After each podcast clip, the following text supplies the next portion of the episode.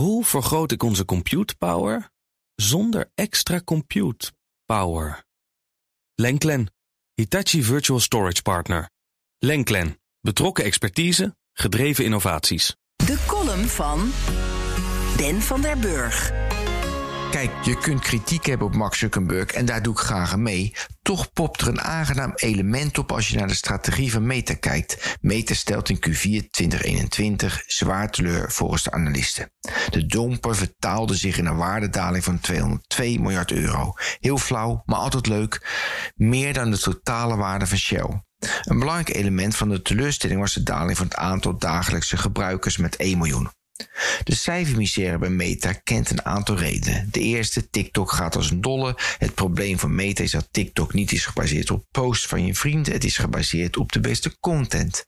Een continu AB-test zodat de tijd gemaximaliseerd wordt dat mensen op het platform blijven. De tweede reden is dat gebruikers daar korte video's willen kijken. Meta heeft daar Reels voor verzonnen, doet het aardig, maar heeft volgens Zuckerberg nog tijd nodig om de advertentiemogelijkheden optimaal te benutten. Tot slot de advertentieaanpassing van Apple. Apple zet volgens eigen zeggen vol in op privacy en wil niet meer dat mensen getrackt worden. Het minder goed kunnen targeten van de gebruikers op iOS kost Meta volgens eigen zeggen 10 miljard dollar in 2022 en dat is 25% van de winst van het afgelopen jaar. Dan snap je dat de koers stel naar beneden duikt. Zo belanden we bij het aangename element. Zuckerberg, de oprichter van Meta, heeft een meerderheid van stemrecht.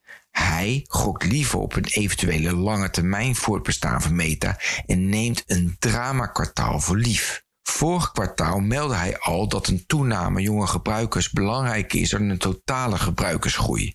Ook zette Meta een half jaar geleden al de verschuiving in van een sociale feed naar Reels en de interactie tussen mensen. Opbouwen kost tijd. Een nieuw format levert althans in het begin veel minder geld op dan een gevestigd format. De tijd van de gebruiker verschuift voordat de advertentieuitgaven dat doen. Zuckerberg noemde vijf keer TikTok in zijn earnings call. Dat had hij ook niet kunnen doen. Hij had het omzetrecord kunnen benadrukken. Hij had het record van de opbrengst per gebruiker kunnen noemen dan had de impact van Apple en TikTok pas over een paar kwartalen duidelijk geworden. Zuckerberg slikt de hete aardappel echter nu door en blijft ondertussen ook nog 10 miljard dollar uitgeven aan kansen in de hele verre toekomst, zoals de metaverse.